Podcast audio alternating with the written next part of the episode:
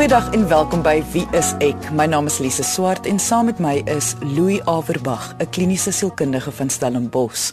Ons is amper in die middel van die jaar. Tyd wag vir niemand nie. En wanneer 'n mens voel, soos ek, dat die jaar weer eens verbyvlieg en dit voel asof niks verander het nie, of daar is nog soveel wat 'n mens wil doen, dan ervaar ons spanning of selfs angstigheid. Baie mense ervaar spanning en angstigheid weer oor ander dinge soos hul beroep of hul gesinslewe of selfs hul eie geluk. Dan is daar diegene wat spanning ervaar as gevolg van persoonlike probleme waaroor geen enkele mens op aarde beheer het nie, soos hul gesondheid. Vandag se gas is juis 'n voorbeeld van die laasgenoemde. Haar naam is Andrea Engelbrecht. Sy is in haar laat 30's heeltemal selfstandig, 'n individualis. Maar haar lyf wil nie saamwerk nie. So aan die hand van haar storie gaan ons vandag gesels oor spanning, die hantering van situasies wat buite ons beheer is en wat die moontlike gevolge kan wees wanneer almal van ons die druk van die lewe net ignoreer. Maar kom ons hoor waar haar storie begin. Ek was altyd al die jare baie baie aktiewe persoon gewees. Ek het sport gedoen op skool. Na skool het ek gekwalifiseer as 'n aerobiese instrukteur en ek het spinning en al daai lekker goed gegee, paar keer 'n dag. Ek trail running gedoen. Ek was altyd baie baie aktief. Ek het 'n groot tuin waarvoor ek baie lief is wat ek baie tyd inspandeer sommer soggens voor werk, saans na werk. En ek is nie oor die algemeen iemand wat sal vra gee gou vir my dit aan nie. Ek sal eerder opstaan en ek kook en ek bak graag baie aan die gang nie 'n stil sittertjie nie. Ek het so 6 maande terug begin agterkom my bene pyn ontsettend baie en my voete kramp die hele tyd en my huisdokter voel toe hy dink dit is 'n ystertekort en ek het inspuitings daarvoor gekry dit het glad nie beter geword nie dit het inteendeel half erger geword. En ek het iewers in my agterkop besef hierdie iets is nie lekker nie. Something is happening maar dit kan 'n klomp goed wees Louis, kom ons sit net eers die feit dat sy op 'n fisieke vlak siek is, eenkant. Wat is dit aan die onbekende wat ons as mense so vreeslik gespanne maak? Of dit dan nou van siekte afkom of enigiets anders, het die onbekende te doen met wat kan moontlik gebeur. Dis dis 'n geweldige futuristiese ding. Dit gaan oor die toekoms. En dit gaan oor hoe mens dink dinge kan moontlik wees van nou af of dit nou 5 minute van nou af is of 5 jaar van nou af. As dit nou is hoe dit met my gaan, hoe gaan dit dan nou wees oor 6 maande of oor 'n jaar? As dit fisies met my so sleg gaan, ek kan mos doodgaan. Dalk as 'n voorbeeld. Jy kan in elk geval by uh, doodgaan, maar dan dink mens regtig daaraan as 'n sterk moontlikheid of wat dit ook al die geval mag wees. So dit gaan oor die wat as faktor. Wat presies is spanning? Ek bedoel, wat gebeur met 'n persoon se gedagtes of gevoelens of selfs gedrag wanneer daar druk ervaar word? Soos ons nou net gesê het, as jy hieraan dink dat mens in die toekoms dan in jou kop leef, dan kyk ons na die drie areas van menslike gedrag as dit kom by spanning en kom ons kyk net na denke byvoorbeeld. Denke baie spesifiek sê vir jou, wat as dit gebeur? Sê nou maar dit in geval van dit om te worry. Dit is 'n denkende ding nê dan gaan mense gedrag ook baie keer gepaard daarmee. Jy praat dalk bietjie vinniger jy haal bietjie vinniger asem jy vergeet goeters want jy is gejaag in in jou gedagtes en saam met dit gaan daar 'n gevoel of 'n emosie en emosie is een van bekommernis wat 'n emosie is. Sit al drie hierdie bene van 'n driebeenpot bymekaar en dan kry jy die ervaring wat mens noem stres of spanning. En dit sit op mens se liggaam. Dis 'n fisiologiese proses. Dit beteken jou liggaam is saamgespan, dis waar die woord samespanning kom wat beteken jou outonomiese senuweestelsel hardloop heeltemal te vinnig. Jou hart loop te vinnig, alles wat daarmee gepaard gaan op 'n konstante basis. En dit is dan in een woord stres of spanning. Jy luister na Wie is ek met Louie en Lise op RSG 100 tot 104 FM. 'n Vriend van my wat 'n internis is gaan sien en hy het onmiddellik groot geskrik en toe skrik ek nog groter. En hy verwys my toe na 'n neuroloog wat ek voorheen by was, wat ek baie goed ken, goeie verhouding mee het. en lê nou daar vir 'n uur lank en kry toetse en afdring en hoe hoe langer dit aangaan, hoe meer angstig raak jy en hoe banger word jy en hoe meer bekommerd raak jy want dis weer 'n wat gaan nou gebeur? Waarmee is ek nou opgesaal? Hoe gaan ek nou hier uitkom? En dit is klomp goed wat deur jou kop gaan van gaan ek in 'n rolstoel beland? Hoe gaan dit nou lyk? Hoe gaan ek al hierdie mediese kostes kan haal want dit is dis dit is nogal so groot groot ding wat dan nou ook weer bydra tot die angs. En hoe gaan dit my verhouding by die huis affekteer want mens gaan ook net tot op 'n punt toe wil saam met iemand opgeskep wil sit wat nie kan tandeborsel nie. En sulke tipe goed. En dit is dit is hoe dit begin het vir my. Wanneer 'n mens die woord stres of spanning of selfs angstigheid gaan opsoek op die internet, sal daar altyd eers verduidelik word hoe dit goed is vir 'n mens. Maar so kan jy dalk net verduidelik wat is goed hieraan en wat is dan nou sleg hieraan? Uh, kom ons noem dit dan hierdie oormatige druk. Kyk, spanning in sy klein formaat is 'n positiewe ding. Jy's heeltemal reg. Dit beteken jou liggaam wek so bietjie op jou gedagtes is bietjie vinniger, jy's meer gefokus in jou gedrag en dit bied dan goeie motivering. En motivering is weer eens iets wat toekomsgerig is. Dit beteken jy dink by jouself, luister as ek nie nou hard aan die werk kom nie, gaan my kinders nie kos hê om te eet nie. En dis 'n positiewe ding. Ons moet egter nou net onthou dat mense lyf betaal 'n prys daarvoor as mense liggaam dan te lank en te aanhoudend of te intensief hierdie vorm van spanning ervaar, dan raak dit 'n negatiewe ding. Dan is dit nie meer 'n motiveerder nie, maar dan is dit 'n vyand wat jou energie uit jou uitdreineer. En dus die dan die verskil tussen oordentlike gemotiveerde gespanne wees of heeltemal angstig en oormatig gespanne amper uitgebrand wees. Hy vermoed dat ek 'n toestand het wat mense myasthenia gravis noem, wat 'n outoimmuunsiekte is. Uh wat gebeur is die impuls wat van jou brein na die spiere gaan by die reseptor is daar 'n chemikalie wat help om daai impuls oor te dra na jou spiere toe. En persone met myasthenia gravis het 'n 'n gee teenliggaampie af wat keer dat daai chemikalie vrygestel word. Met ander woorde, jou spiere kry nie die impuls boodskap goed nie. Hy kry hom, maar baie verswak. Wat beteken jou spier dink hy moet 30% beweeg waar jy wil hê hy moet die volle 100% beweeg om 'n koffiebeker op te tel of om 'n deur oop te sluit. So jy werk baie baie harder en jy raak verskriklik moeg en dit is baie pyn. So wat Andrea ervaar in haar situasie is die onbekende. Met ander woorde, sy het tans geen beheer oor haar toekoms of haar gesondheid nie. Is dit in soortgelyke situasies waar beheer van ons weggeneem word iets wat die meeste mense onkansel vang of is daar mense wat nie geaffekteer word deur hierdie onbekende nie? Kyk, mense ervaar gebeurtenisse verskillend met ander woorde op 'n spanningsvlak of 'n stresvlak reageer alle mense verskillend. Sommige mense is gelukkiger of kom ons sê meer bev uh, bevoordeel deurdat hulle van nature meer in die oomblik kan bly.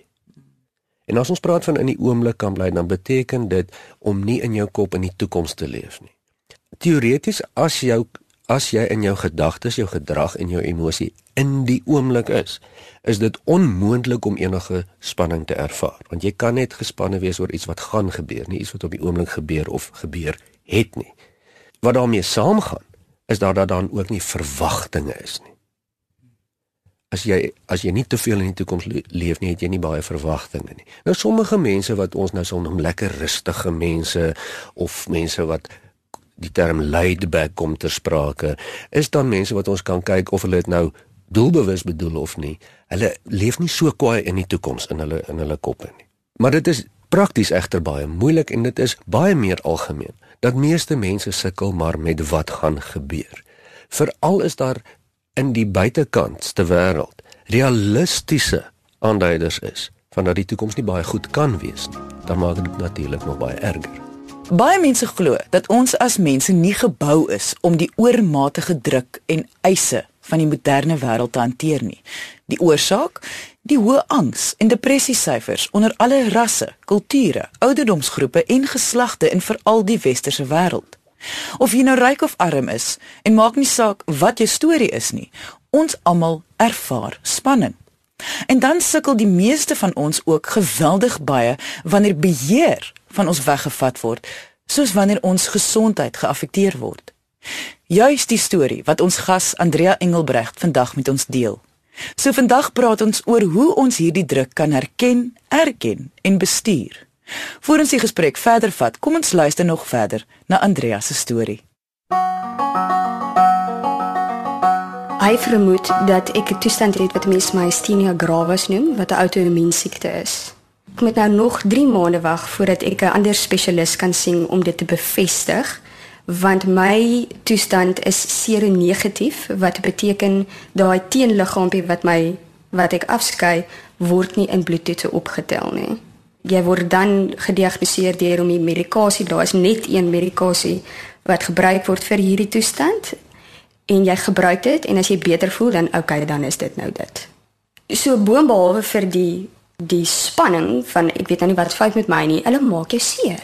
En dit hou nie op nie. Dit is maande van iemand wil nou nog 'n naald indruk en iemand wil nou nog dit doen en hierdie ou wil nou 'n 'n MRI doen en hierdie ou wil nou nog 'n ekstra laat neem. Dit dit voel asof dit nie ophou nie. Hulle wil net nog 'n bietjie van jou hê. Louis vir diegene wat nou eens ingeskakel kan jy net weer verduidelik hoekom ons as mense druk ervaar wanneer beheer van ons afweggevat word? Omdat ons eintlik valslik op 'n aanname van basiese vertroue moet lewe. Wat ek daarmee be bedoel is dat al die luisteraars wat byvoorbeeld nou na ons luister, of jy in die motorkar of by jou huis of by die werk is, meeste van hierdie luisteraars, insluitende ons twee ook, aanvaar dat daar nie binne die volgende 5 minute of 10 minute of 'n uur iets met ons gaan gebeur nie. As ons op 'n stoel sit, aanvaar ons die stoel gaan nie nou breek onder ons nie. As ons in 'n motorkar is, aanvaar ons ons gaan nie binnekort in ongeluk wees nie. Mm. Terwyl dit eintlik nie onmoontlik is dat dit kan gebeur nie. Daar is in die lewe baie baie min sekerhede vir ons om te kan oorleef as mense en sin te maak van al die onsekerhede in die lewe het ons wat mense noem basiese vertroue nodig jy moet dus optree asof daar nie eintlik 'n risiko kan wees nie terwyl jy eintlik weet daar's heeltyd risiko's. En as daardie ding vir mens bewus word, soos kom ons sê in die geval van 'n posttraumatiese stres of in Andreas se geval waar sy agterkom. Haai maar dit is nie waar dat ek net kan leef asof niks kan gebeur nie, want dit gebeur dit met my terwyl ek leef. Dan vat dit mense beheer weg. Want mens het nie eintlik beheer nie, al dink jy jy het beheer. En dan raak mens angstig want dan weet jy nou glad nie meer wat die toekoms vir jou inhou nie. Uiters spierswakheid. Absolute absolute swakheid. En dit veroorsaak dan spiermoegheid en dit veroorsaak dat ek ontsettend bewe. Soos eh, wanneer jy te veel gegym het, wanneer jy te swaar gewigte opgetel het en jy kry net spiermoegheid ek is baie moeg die hele tyd want daai klein bietjie effort wat dit vat om te gaan stort en hare te was het nou vir my geword 'n groot besluit wat ek nou moet neem want jy's fisies moeg. Alles put jou uit. Enige fisiese aktiwiteit soos om 'n motor te bestuur kan nie die koppelaar intrap nie want jou linkerbeen in dorpverkeer raak so moeg van die koppelaar die hele tyd trap dat jy nie kan uit die kar uit klim en nou kantoor toe loop nie, dan sleep jou linkerbeen. Soos wat ek vandag en gister gevoel het, my skouers is seer. Dit is asof die tendons, die spiere is so verswak dat dit voel van my tendons trek weg van die been af.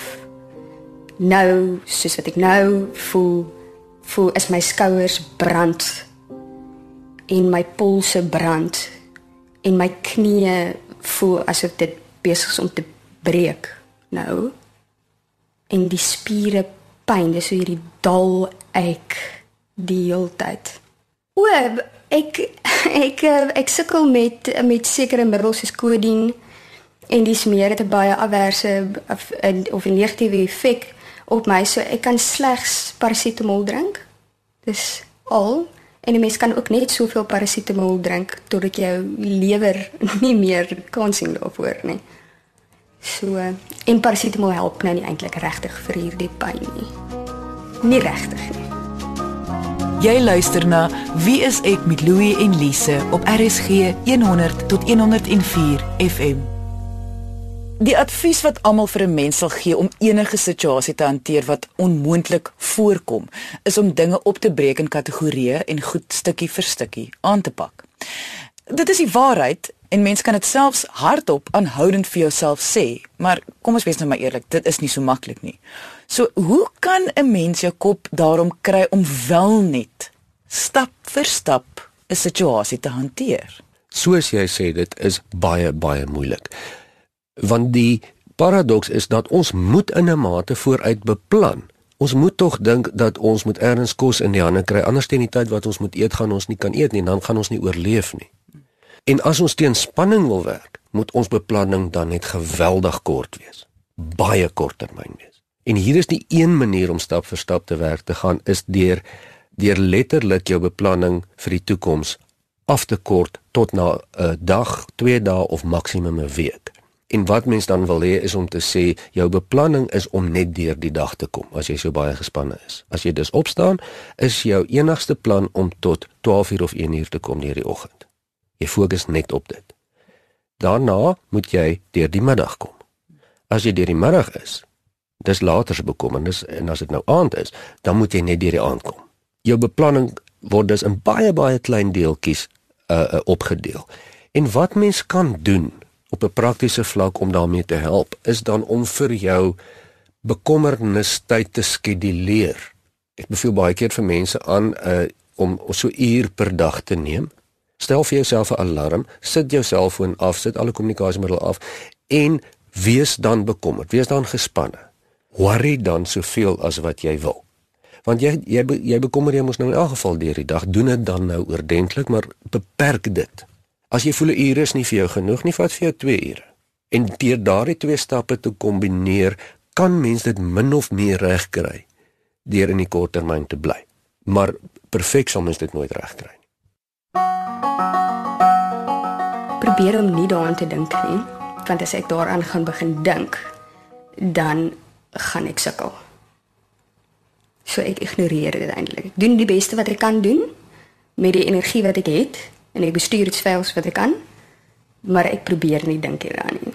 Want ek is nie seker dat ek sterk genoeg is om nou hierdie tassie te gaan uitpak nie. Andrea het besluit dit is eenvoudig beter om liewers haar kop in die sand te druk en om te ignoreer wat die emosionele implikasies is van hierdie situasie. Werk dit om dit so aan te pak? Nee, dit werk nie en ons almal kan ons nou verstaan hoekom dit nie werk nie want dan eskaleer dinge en as jy weer sien is jy groot in die moeilikheid. Die neiging om dit te doen is baie deel van menslike aard. Ons noem dit kognitiewe dissonansie. En dit is die vreemde verskynsel dat alhoewel ons as mense met feite gekonfronteer word, het ons dan die neiging om nog steeds te bly die teenoorgestelde te bly glo as ons wil. Tog sit sy baie beplanning in haar dae en weke in om te verseker dat sy nog haar werk kan doen, dat sy selfs haar hare kan was. Dit wys tog dat sy onbewustelik besig is om beheer te vat waar sy kan. Ja, of selfs bewustelik. Ek dink dit is wat haar laat goed funksioneer heidaglik, ten spyte van hoe swaar sy kry, is dat sy die gedrag doen wat sy beheer het oor. Sy kan rare was. Sy kan haar werk doen. Dus doen sy dit sy kan nie help dat sy pyn het nie. Sy kan nie meeste van hierdie situasie hanteer nie en sy kan niks daaraan doen nie, maar sy doen tog soveel as wat sy kan wat beteken sy het beheer oor. En wat beteken dit vir haar op 'n emosionele vlak? Beheer met ander woorde dat ek darm kan kies om iets te doen ten spyte van wat die buitewêreld my verhoed om te doen, is die teenvoeter van angstigheid dit is waar ek dan sê ek wag nie dat iets met my gebeur nie, ek doen iets self. En dit werk direkte spanning teer want dit is in die oomblik en nie in die toekoms nie.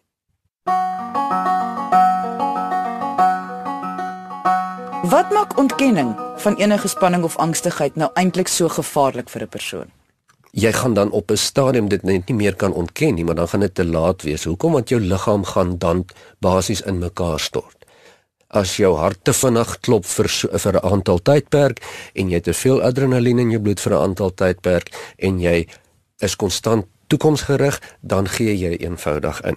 Of jy word siek, of jy het daai uitbrandingsgevoel of jy ontwikkel 'n diep depressie, maar jy sal dit definitief weet jy gaan die prys betaal. Maar mens kan dit probeer voorkom. Ja, dit is tog nou maar die doel en dis altyd wat ons met alles probeer. Ons probeer risiko vermy of dit nou finansiëel is of gesondheidsgewys en weer eens is dit dieselfde beginsel.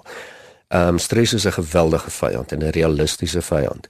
So ons mo moet na die beste van ons vermoë probeer om op te tree dat ons nie in stresvolle situasies beland wat ons lywe so kan aanval nie. En ons probeer oor die algemeen. Wat ons egter mee sleg is is as ons begin spanning en stres ervaar dat ons dit dan nie bestuur nie dat ons dit dan begin ontken. Want mense voel so half dis hulle eie skuld. Hulle is half simpel uh, of swak.